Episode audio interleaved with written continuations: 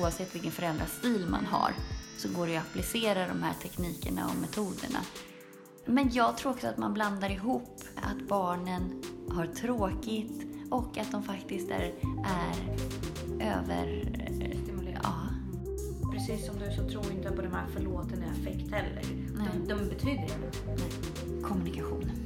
För det är verkligen A och O i alla relationer. Jag tror att utsätta mig för silent treatment är nog värre än att faktiskt fysiskt slå mig. Ja. Men just det där att man efter, så här, du vet där igår när du blev så arg. Vad hade du behövt då? Det är så för mycket. Ja. Så att man säger så här, vet du vad? Jag ser att du förstår. Mm. Jag bekräftar dig i det här. Liksom, bra jobbat. När du känner att det passar dig Mm. kan du bara snälla gå fram till Mm. den personen och bara Men vissa barn gör ju inte det. Alltså, tagit barn, förskolebarn som gillade att rita. mm. Eh, och sen så hade man börjat belöna dem om de fick diplom Mm. för att de hade ritat. Och då ritar de ju jättemycket. Och sen så tog man bort diplomen, då slutar de att rita. Lära dem så tidigt som möjligt att sätta ord på sina behov. Och identifiera känslan och sätta ord på dem. Kontrollerad Kontrollera. kreativitet, och flexibel struktur. Ha varandras Välkommen! Tack så mycket. Är det det? Det är jätteskönt och bra att få sitta här med en kopp kaffe, äh, te. Kaffe är det inte. Jättekallt Skulle ute. kunna vara kaffe. Ja, Ja. det är kallt. Det är alltså. jättekallt. Jag har haft det rena, alltså den värsta vinterskruden på mig när jag har tränat. Mm. Så jag vet inte vad jag ska ha sen när det är minus 10. Och jag... Jo, fast då, det är då det inte är så kallt. Mm. Ja, det kanske är så. Liksom, Jag vet inte, det är konstigt med kyla. Mm. Men du har det väldigt varmt hemma. Ja, men det är för att jag fryser hela Ja, tiden. det är jätteskönt. Annars brukar det vara varmt i lägenheter. Eh, ja, vi har ju också det rätt Ja. varmt. Alltså absolut, jag tänker bara efter att ha varit ute. Och Ja. gymmet är ju sjukt kallt. Ja, De har airconditioning på. ja, ja. det är Man... jättekallt där. Ja. Man börjar frysa. Men eh, ja. Nu är vi här. ja och vi ska... Teet är i kopparna. Ja, och vi ska prata om eh, smart föräldraskap Ja. idag. Så vi säger varmt välkomna till Ansvarspodden.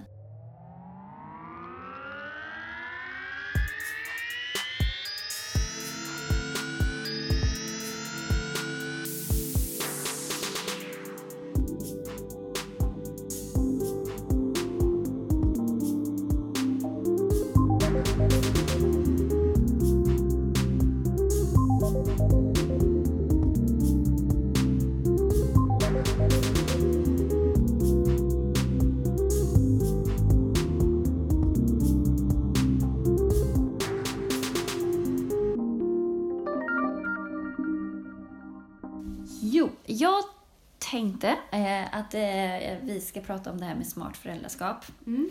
Eh, baserat på en bok som precis har kommit ut som Mattias Ribbing har skrivit. Och han är ju minnesmästare. ja. Han verkar en väldigt spännande person. Ja, men han är duktig på det här med hur man memorerar och Mm. tänker och sådär. Jag har ju bara sett hans podd-intro till boken som Mm. du har skickat till mig. Så att jag har en hum om vad det kommer handla om och lite grann hur Mm. han tänker. Mm. Men jag har ju inte läst boken. Nej, men det tycker jag du ska göra. Mm. Eh, Den är faktiskt bra. Jag var på en föreläsning också eh, förra veckan med honom och eh, Jonas Bergqvist. eh, Där de pratar mycket om det här med hur hjärnan fungerar och hur man optimerar och sådär. Hur man ska, vad man ska äta och sådär. Och då, Right up your alley. och då så pratar jag mycket om det här hur man tränar hjärnan och hur man använder den på rätt sätt.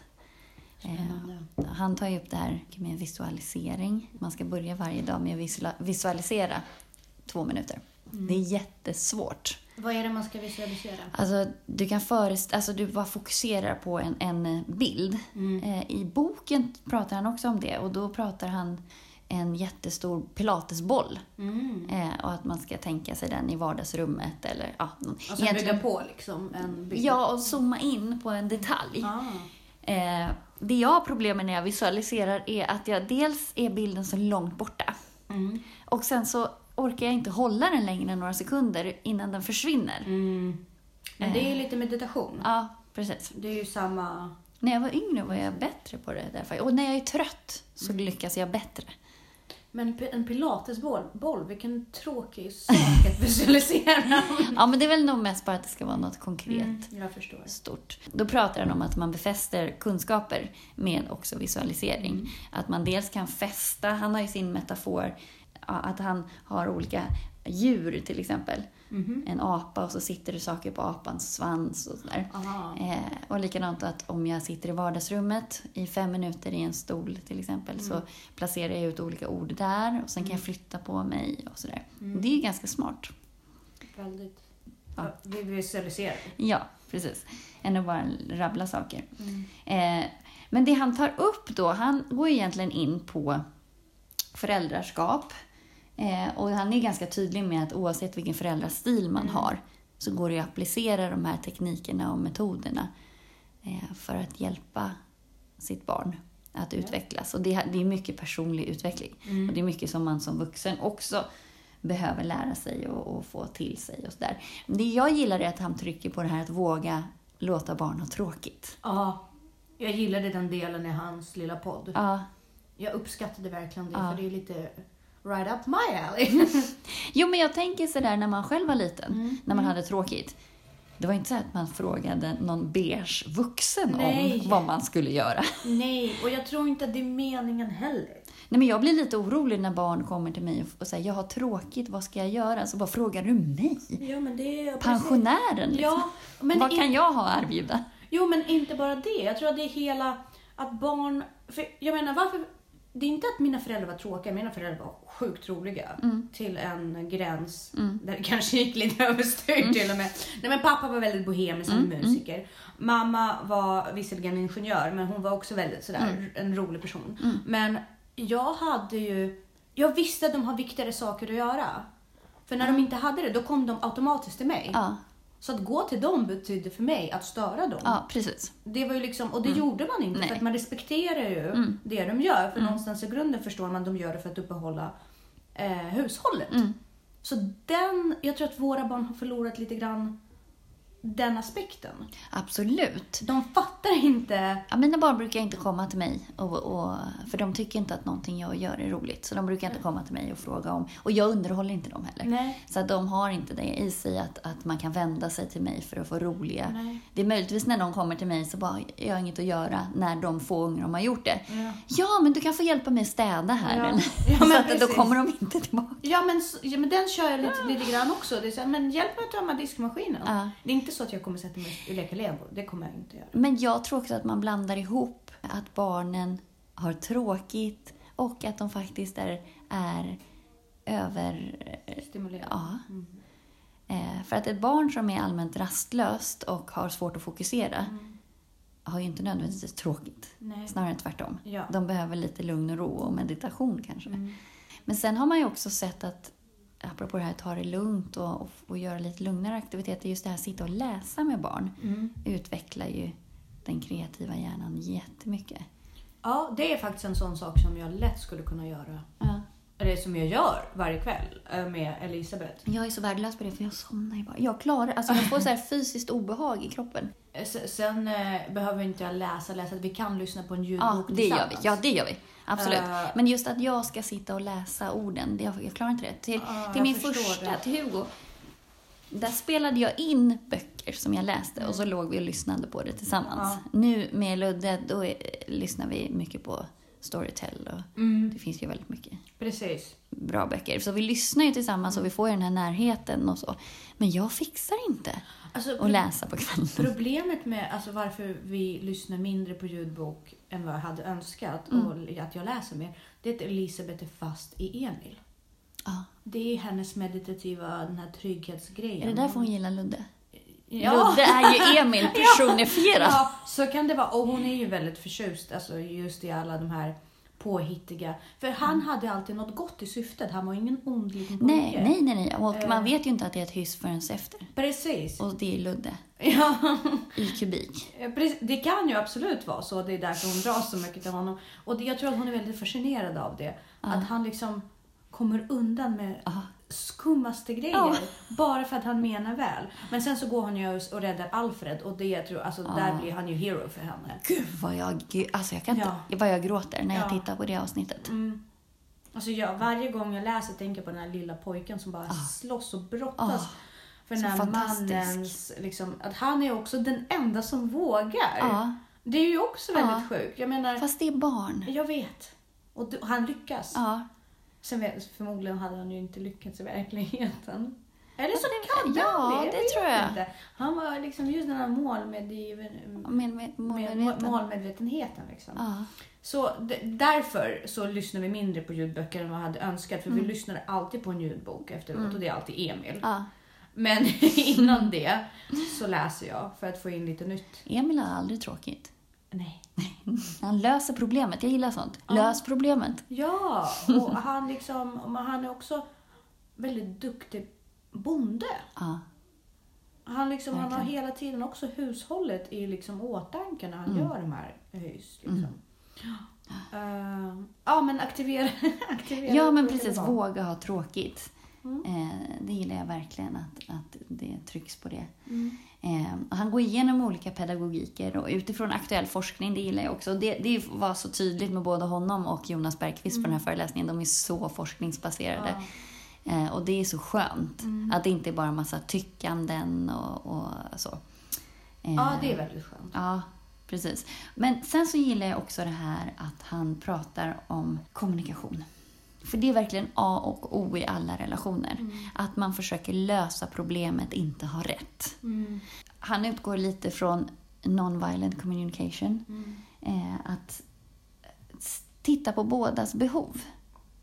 Eh, det tycker jag är väldigt, väldigt bra. Just det här att man måste tänka på att släppa kontrollen över Att du som vuxen ska ha rätt.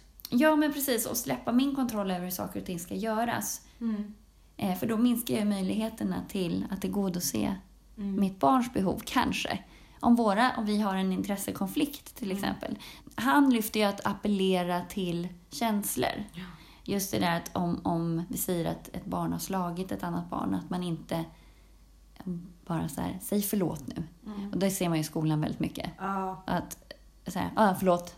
Mm. Att man bara... Gud, då känner jag mig som så Robert Gustafsson i... eh, När de gör den här showen på Grand. I manegen med gräddkilling. Så bara, nej. Du ska mena vad du säger. när han är Lena Philipsson. Ja.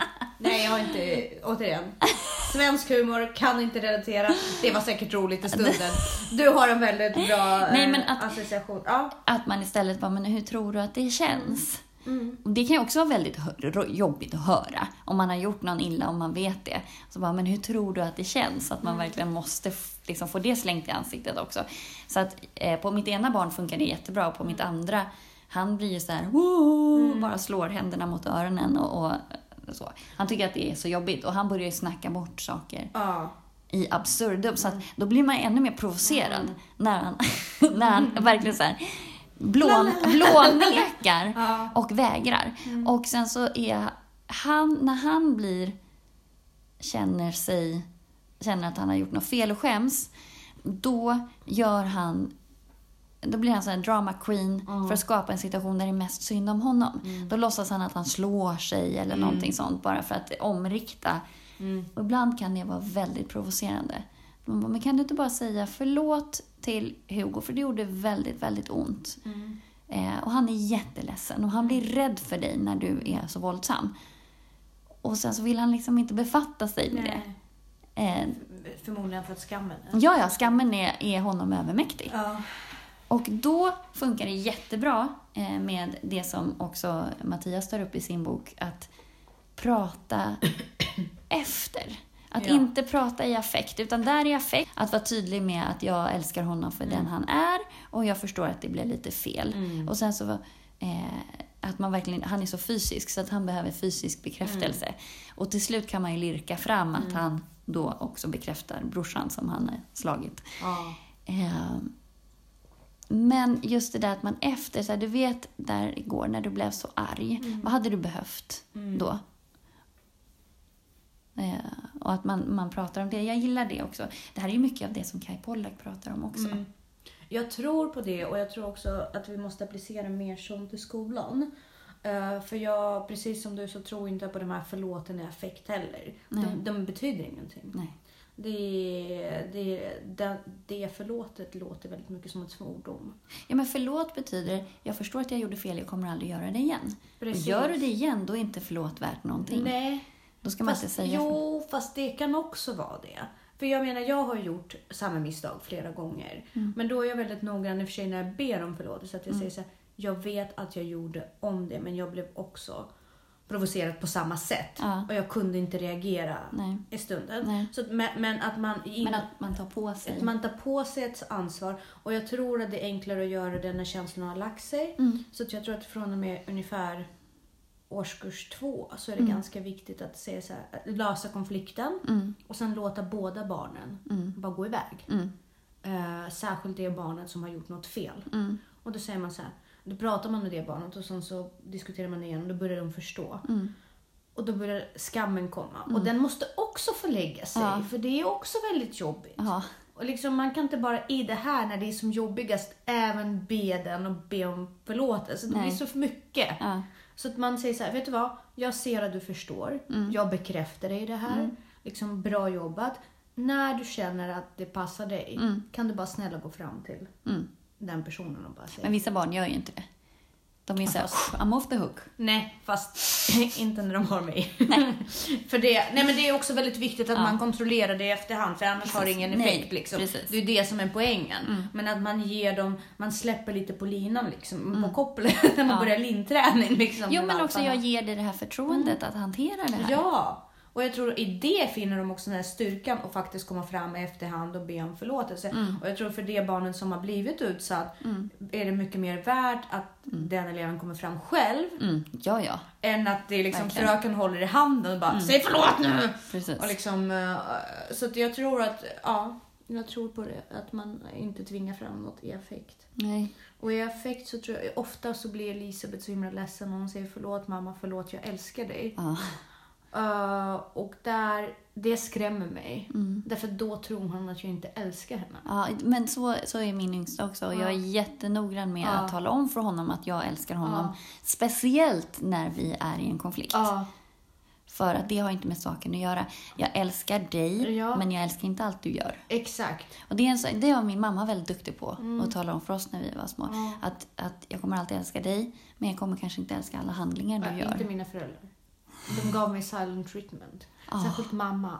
I veckor. Det är det värsta Ja. man kan utsätta mig för. Ja, samma. Ja, Det är jag, tortyr. Ja, för jag tror att det har, jag har psykiska men på grund av det. Mm. Jag tror att utsätta mig för silent treatment är nog värre än att faktiskt fysiskt slå mig. Ja. Eh, rent. Mm. Jag tror det. Men vi är ju flockmänniskor. Det är ju, hundar avskyr det också. Alltså bli Mm. utesluten ur flocken är ju... Men det är också mamma. Ja, precis. Det är liksom Ja. extra jobbigt. Ja. Pappa är not so much. Han glömmer saker. Han, liksom, han blir så "Oj, okej, jag orkar inte bry mig." Men han är väldigt lik mig i karaktären. Men mamma kunde verkligen, alltså det kunde pågå så länge. Och det var så jobbigt. Ja. Och hon hade, men det, det, så, och det gör jag aldrig mot Elisabeth. Nej. Därför att där känner jag så här, herregud. Om jag ska nå fram till det här barnet Mm. liksom, så måste hon veta att jag älskar henne. Mm. Och jag säger alltid det till henne. att, Vet du vad?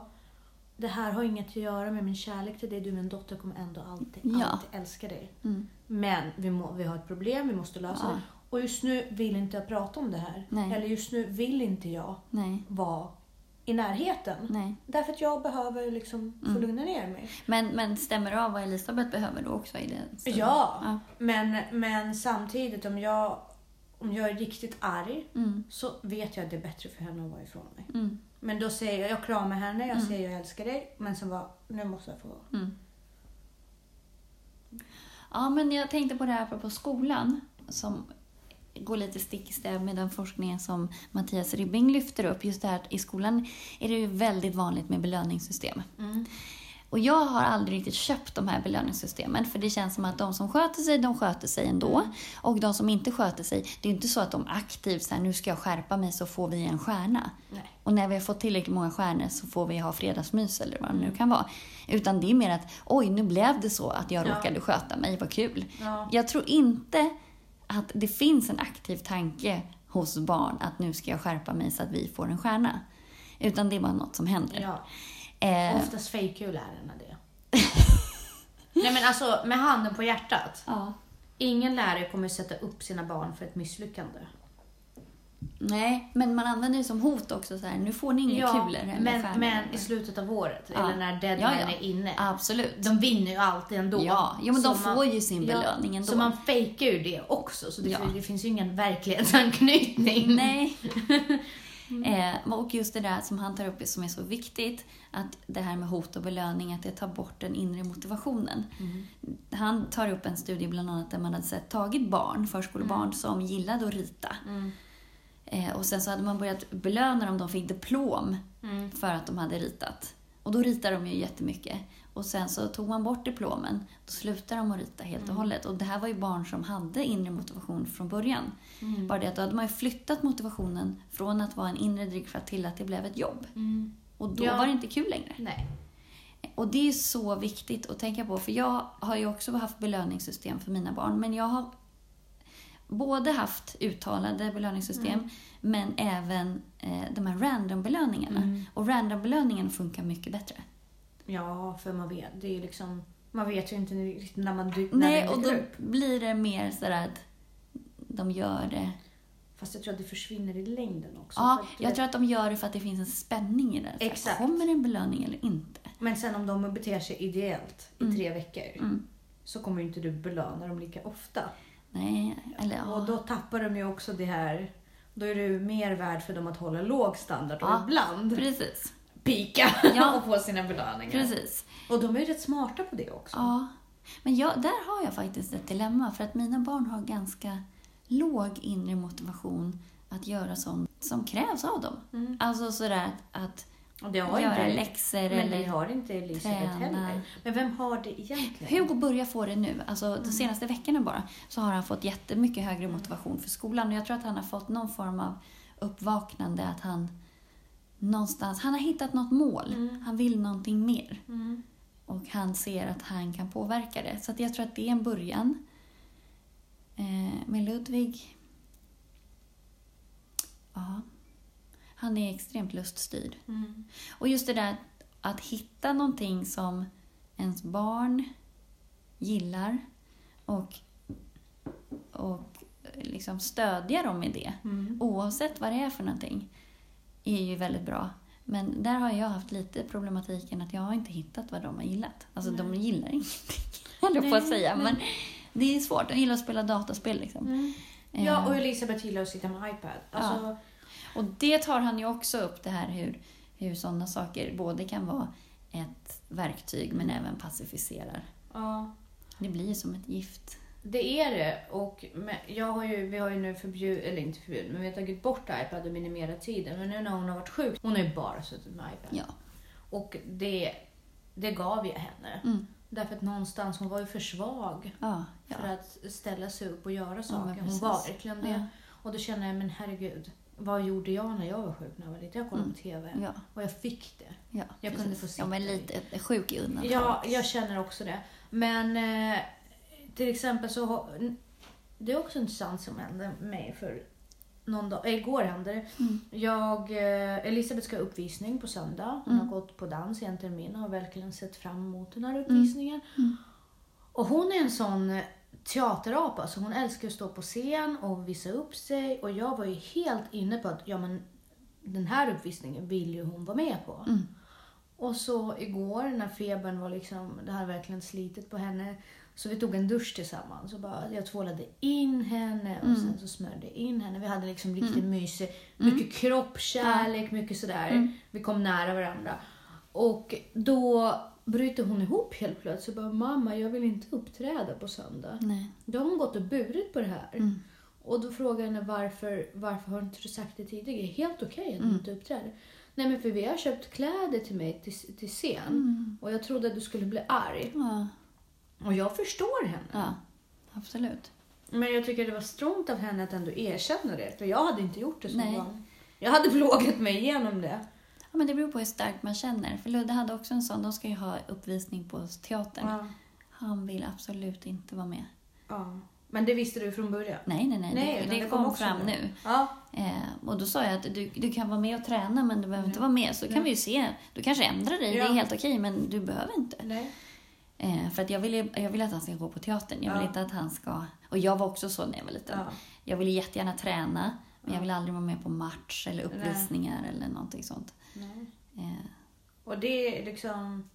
Det är helt okej tycker jag. ja, Jag tycker inte... Jag tycker att bara att hon har varit med varje måndag ja, och fått det sociala och Precis. träningen.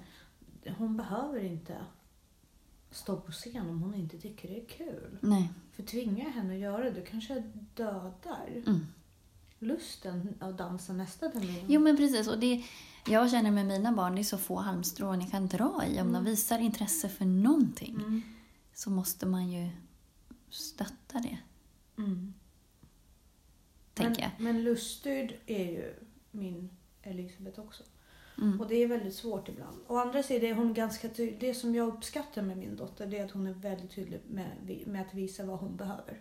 Det är, jätte, det är en sån viktig gåva att ge till sina barn. Att sätta ord på, på sina känslor. Eh, och det pratar ju Mattias Ribbing också om i sin bok så här, Name it to tame it. Alltså just det här när man är i affekt. Ja. Sätta ord på vad det är man känner och vad man behöver just där och då. Eh, vi har en strategi, jag och Ludde, vi är så lika så vi clinchar ju ganska ofta. Och jag vet ju att han kan ju provocera mig något så, så att jag inte är den vuxenaste människan. Och då har vi pratat om det att, att om han bara, där är han jättestor och ansvarstagande. Han har ett verktyg han kan ta till och det är bara att han bara, jag vill ha en kram. Mm. För du kan inte vara arg på ett barn som vill ha en kram. Då bryter han mig. Så att jag har ju gett honom verktyg för att hjälpa mig Mm. och bryta mig. Eh, oftast så, så liksom är, klarar jag ju av att vara den här vuxna, men vi har det som en liten... Eh, och jag kan göra det med honom också. Att kom, får du en kram och bara bryt det. Mm. Eh, men vi är så lika så att vi hamnar ju väldigt... Vi är ganska envisa båda två. Eh, så att... Eh, ja, och han, han ska ju alltid pusha gränserna. Han är ju lite så nu, testar var alla gränser går hela tiden i absurdum. Det är så jobbigt. Jo, men det, det är utmanande. ja. Eh, men då får man ju en chans själv att växa också. Och då... eh, Ja. Just det där med att försöka med det här non-violent communication. Att inte skrika, att inte hamna i affekt och någonstans bara vara den här vuxna hela tiden och vara lugn. Där kan jag, för att kunna behålla mitt lugn, så kan ju jag... Jag kör inte silent treatment, men jag kan ju förklara att vet du, jag pallar inte det här nu. Så ja, men du pratar jag- om 20 minuter liksom. Ja, så att eventuellt. jag kommer inte... Jag kan inte prata om det här just nu, så jag kommer inte svara. Mm. Eh, och jag kommer gå och sätta mig här borta. Och då, för, han är ju otroligt... Han är otrygg, ambivalent, så att han kommer ju efter. Mm. Samtidigt som han inte vill vara där. Mm. Och då blir det ju att han, han kan ju låtsas att han... Om jag går och sätter mig i sängen till exempel så kan han låtsas att han försöker klättra upp och så ramlar han ner Ja, hela tiden och Ja. sådär. Och då, då kan jag vara ganska kall. Att jag bara, men vet du, jag tänker inte, jag orkar Ja. inte. Men det är bra. Du får liksom prata vanligt och bete dig vanligt. Mm. Så kan vi ha, och det kan ju säkert, jag blir så här, Ibland får jag så dåligt samvete att jag tänker Fast- att det kanske skadar honom. Nej. Men, men jag har, när man har försökt allting Ja. och han, han har ju någon form av otillfredsställd han känner sig obekräftad. Och jag, jag når ju inte fram till Nej. honom på hans språk. Och jag vet inte riktigt. Så att vi försöker prata om det och vad han behöver och sådär. Eh, så att det är verkligen, tror jag, jätteviktigt. Sätt, för, lära dem så tidigt som möjligt sätta ord på sina behov. Och identifiera känslan och sätta ord på dem. För att rationalis- kunna rationalisera det. Ja, men där, där, som sagt, just där har jag varit rätt lyckligt lottad för att så har hon varit från när hon var väldigt liten. Mm. Och hon, som bebis så var hon väldigt tydlig med varför hon grät. Jag vet inte riktigt hur jag ska förklara Mm. Nej, men jag, jag fattar det. För det är också... För hon gnällde aldrig, Nej. bara för att. Nej, för det är många barn som ja. gör det. Det gjorde inte mina Nej. barn heller. Nej. Jag har aldrig haft napp till mina barn. Okej. Eh, för att jag har känt att de gråter ju av en anledning, eller är missnöjda av en anledning. Mm. Och den anledningen är inte att de är jättesugna på att få plast i munnen. Mm. Eh, eller bli pacificerade på något sätt. Så att det har ju gjort att... Eller jag vet inte om det var det, men de gnällde inte om det inte var något speciellt. Elisabeth hade ju en app. Ja. Men det är för att jag inte ammade. Mm. Så hon hade inte så mycket tid.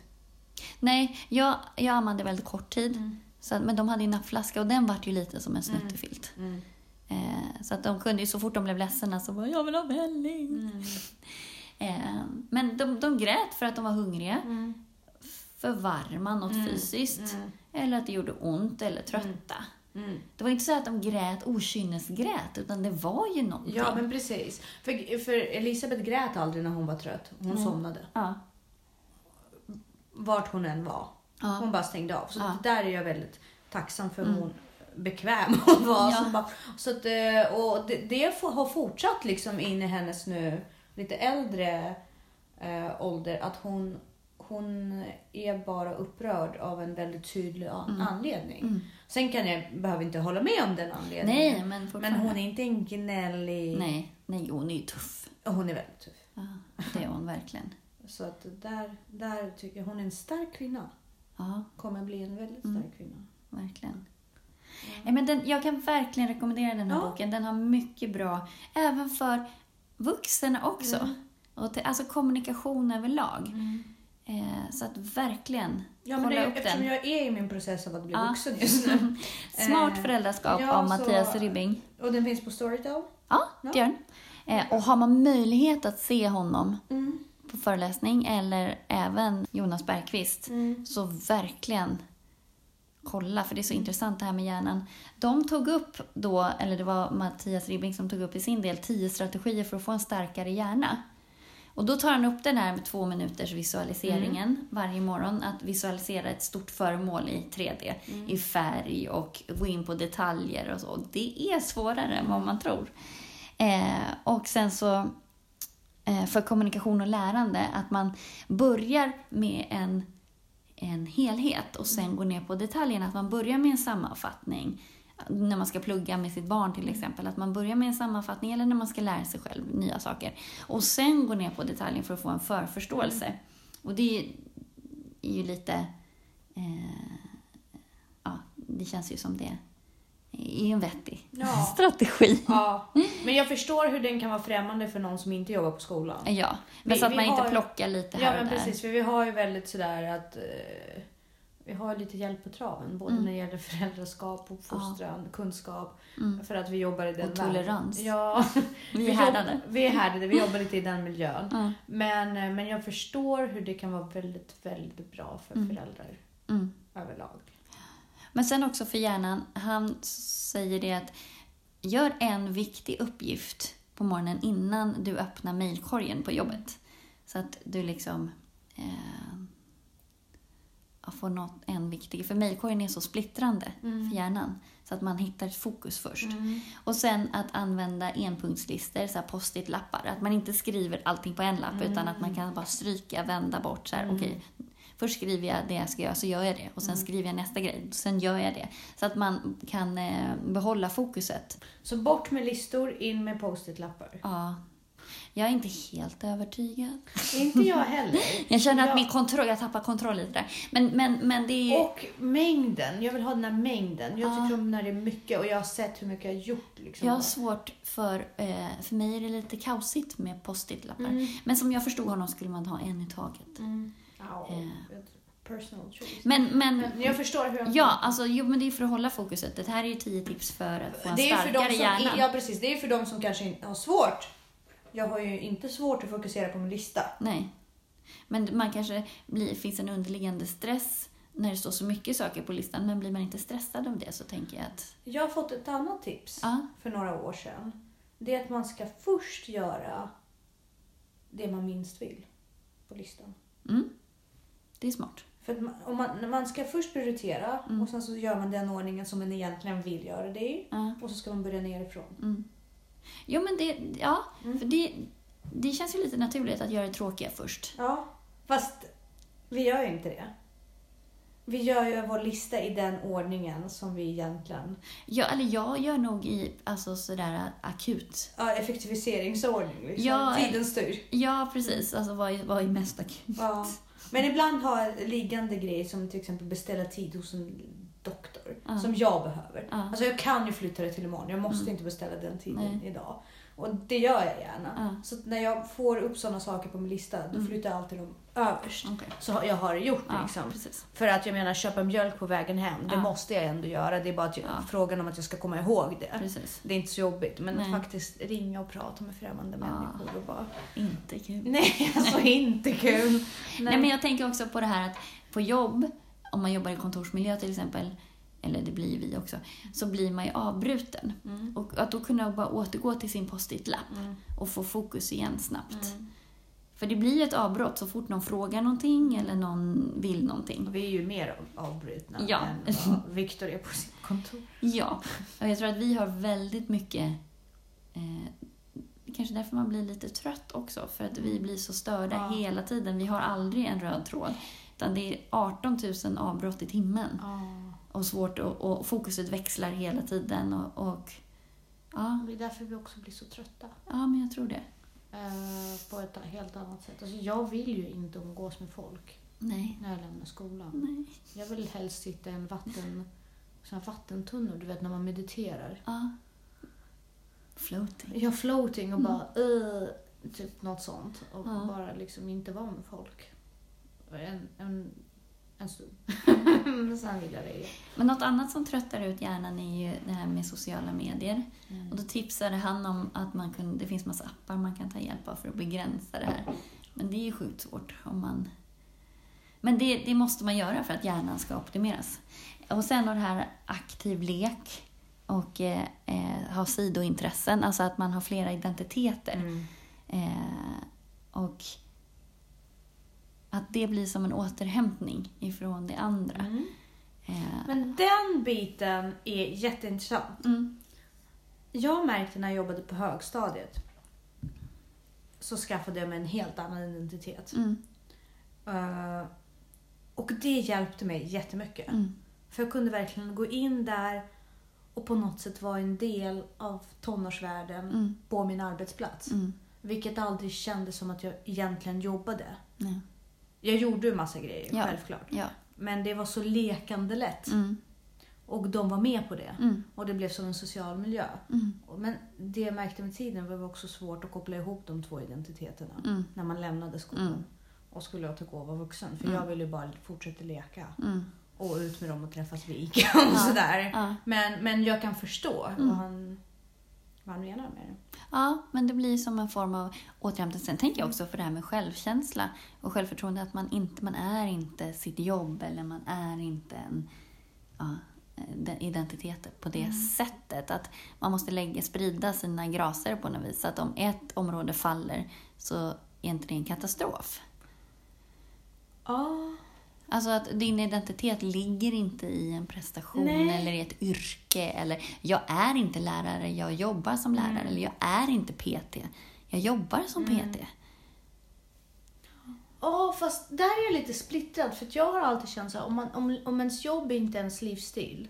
Jo, det kan det vara, men det är inte min identitet. Nej. Ja, okej. Jag förstår. Alltså det, det är ju ens jobb, om man har...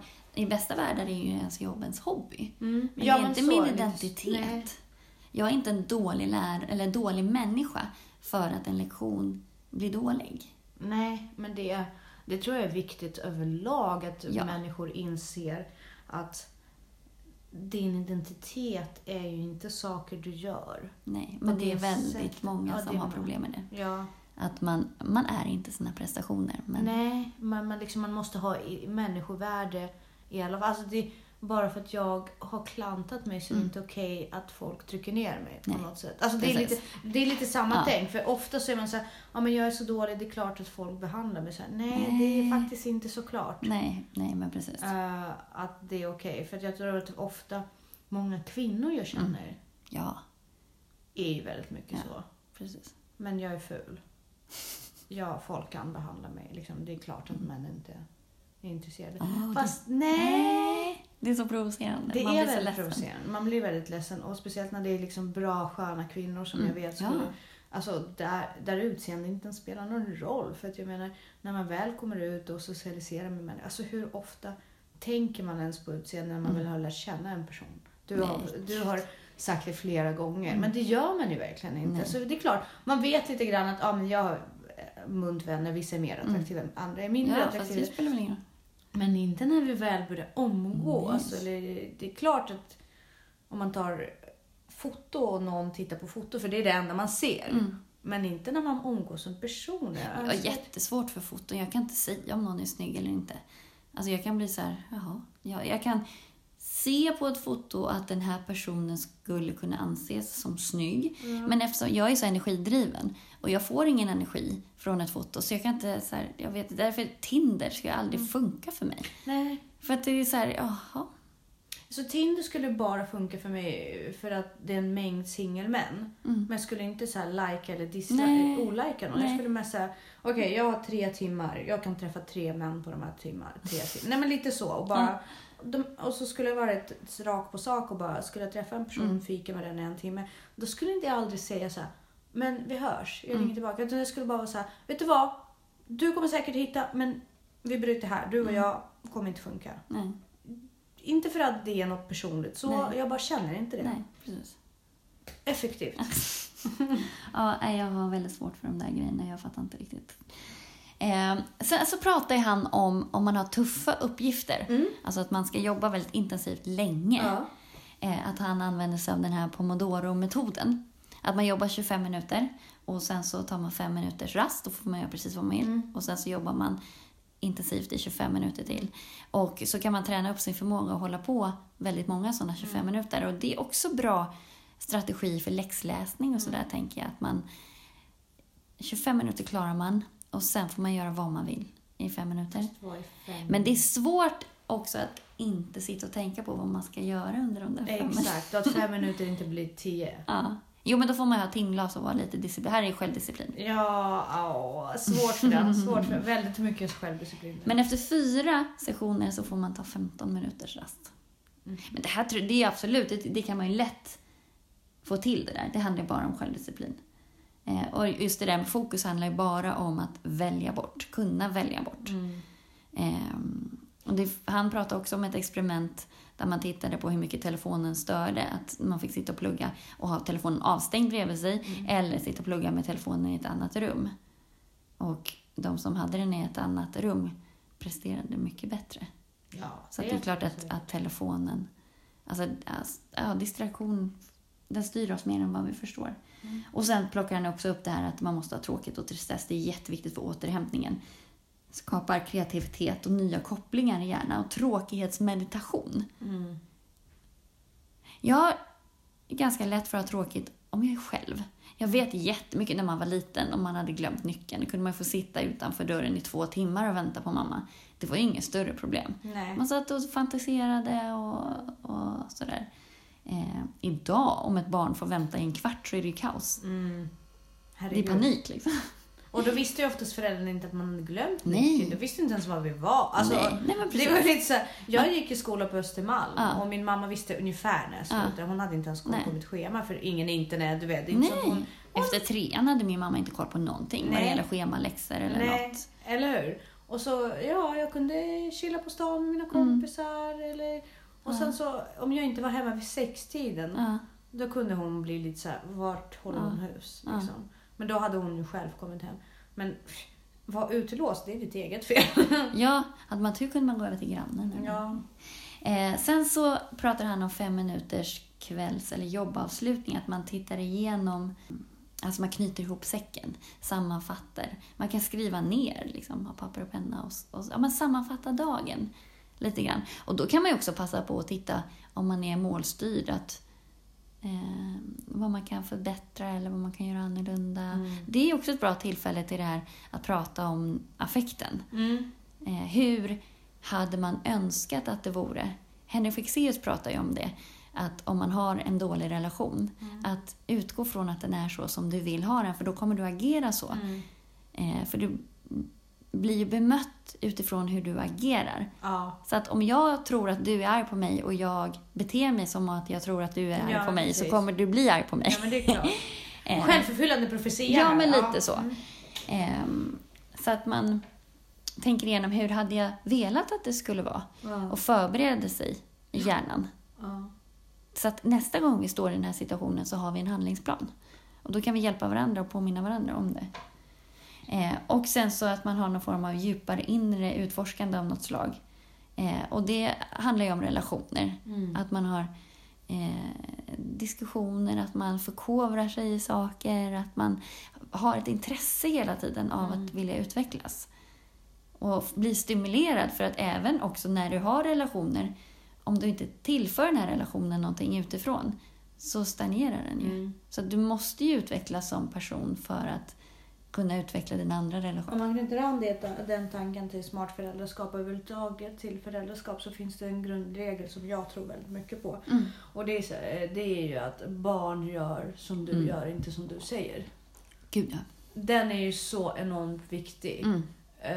Eh, jag kan inte förvänta mig att Elisabeth inte tar fram iPad om jag själv sitter med lur hela tiden. Jag Mm. kan inte förvänta mig att hon ska tycka om hälsosam mat om hon ser att jag hela tiden Nej. Sitter och käkar något ohälsosamt och så Ja. vidare. Och med samma sak med relationer. Och värderingar. Och värderingar och allting. Det är en sak att säga till barn att det är fult att se rasistiska Mm. uttryck. Men sitter man med familjemiddag och drar sådana Ja, skämt. ja, ja. Alltså det blir ju mixed signals för barnen. Absolut. Utan de- de här värderingarna och liksom...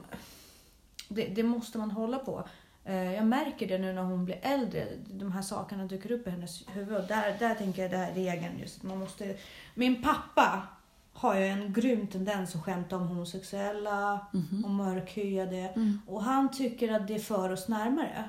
Om vi kan skämta Fast det är inte hans plats att skämta Nej, om de exakt. sakerna. Han skämtar ju på Jo. någon annans Jo bekostnad. men exakt. Ja men precis. Han kan ju Och- bara skämta om sin egen Ja, situation. och när vi eller? sitter och drar judeskämt för varandra. Mm, det kan ja, ni göra. Jag vi- kan inte göra Nej det. Mm. men exakt, och det är det jag försöker för- förklara för honom. Men han är så han är som underhållande person. Han menar ju inget illa. Nej. Det är bara ett koncept som man inte riktigt fattar. Att det är obetänksamt. Ja men ja, absolut. Men i, i Sovjet var ju alla så lika. Mm.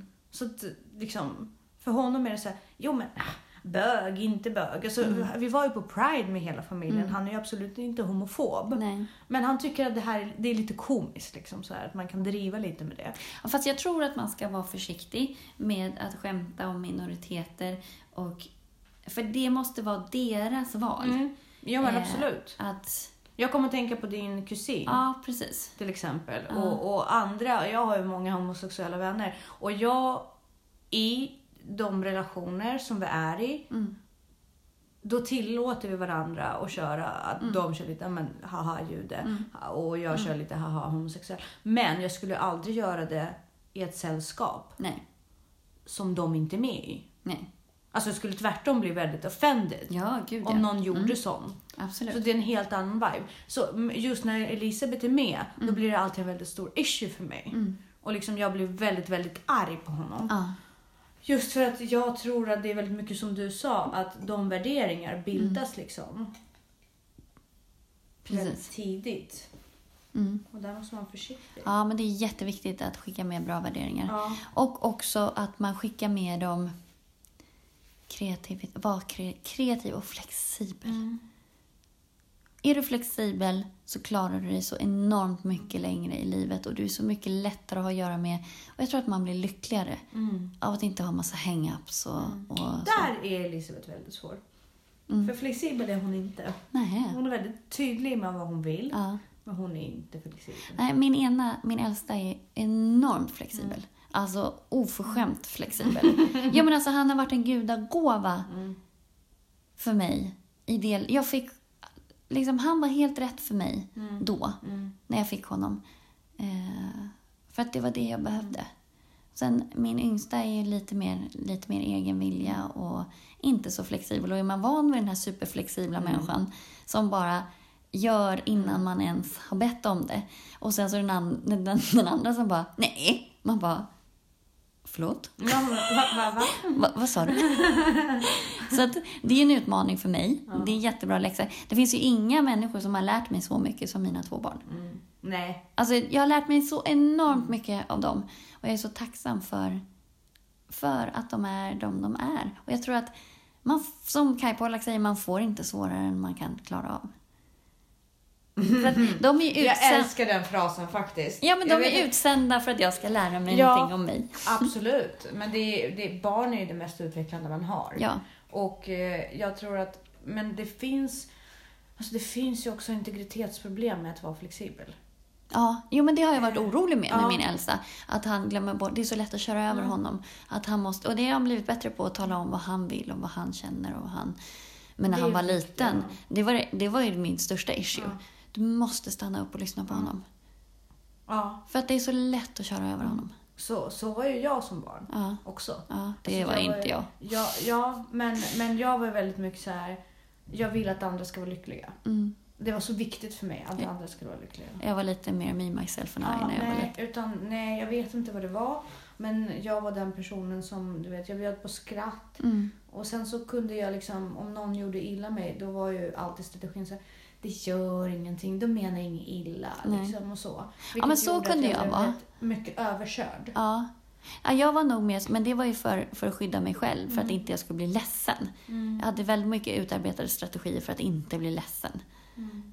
Eh, Så i jämförelse med det mm, så försöker jag faktiskt inte bryta ner den grejen hos Elisabeth. nej, För jag känner att Mm. jag har mycket mindre ja, integritet. ja. För att jag var... Ja, men stark, det tycker jag att Hugo börjar få. Stark integritet, men Mm. Det är ändå flexibel. Ja, men det är bra. Det är faktiskt grymt.